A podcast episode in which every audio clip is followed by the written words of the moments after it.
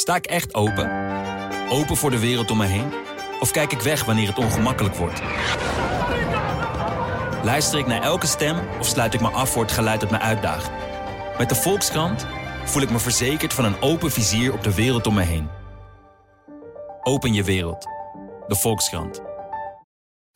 Welkom bij de Intermediair Week Update met een update van de artikelen die je niet mag missen.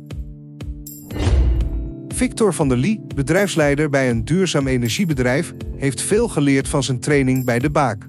Tijdens de training is hij zich bewust geworden van zijn eigen patronen, uitdagingen en valkuilen en heeft hij geleerd om zich kwetsbaar op te stellen, wat de relatie met zijn teamleden heeft verbeterd. Hij heeft ook geleerd om strategisch te kijken naar situaties in het bedrijf en voelt zich nu comfortabeler in zijn rol als leider. Jorik Sais, die tijdens zijn scheiding moeite had om te werken, heeft zijn baan in het onderwijs verlaten om het bureau Werk en Scheiding te starten, dat werknemers in een scheiding ondersteunt. Uit onderzoek blijkt dat het ziekteverzuim bij mensen in een scheiding 45% hoger ligt dan bij mensen die niet gescheiden zijn. Met name vrouwen hebben het vaak moeilijker vanwege zorgtaken en financiële zorgen. Zowel Sais als professor Esther Kluwer benadrukken dat werken tijdens een scheiding juist kan helpen bij het herstel door het bieden van structuur, sociale contacten en inkomen. Hoofdredacteur Manon ervaart stress en uitputting door frequente, emotionele confrontaties met kritische lezers, vooral studenten, over de inhoud van de publicaties. Ze is van plan deze kwestie aan haar redactie voor te leggen om te zoeken naar manieren om de werksfeer te verbeteren. Trainer Iris Posthouwer stelt in haar boek een stappenplan voor om op een ontspannen manier nee te zeggen, waardoor Manon duidelijkere afspraken kan maken met haar redactie en haar tijd en energie beter kan beheren. Zorgmedewerkers melden gemiddeld 64 ongelezen e-mails na een week vakantie, volgens onderzoeker Henrico van Roekel van de Universiteit Utrecht. Co-auteur van het boek Focus aan Slash uit, Oscar de Bos, wijst erop dat het continu reageren op binnenkomende e-mails de workflow onderbreekt en stress veroorzaakt, terwijl diepe concentratie op een enkele taak vaak de beste resultaten oplevert.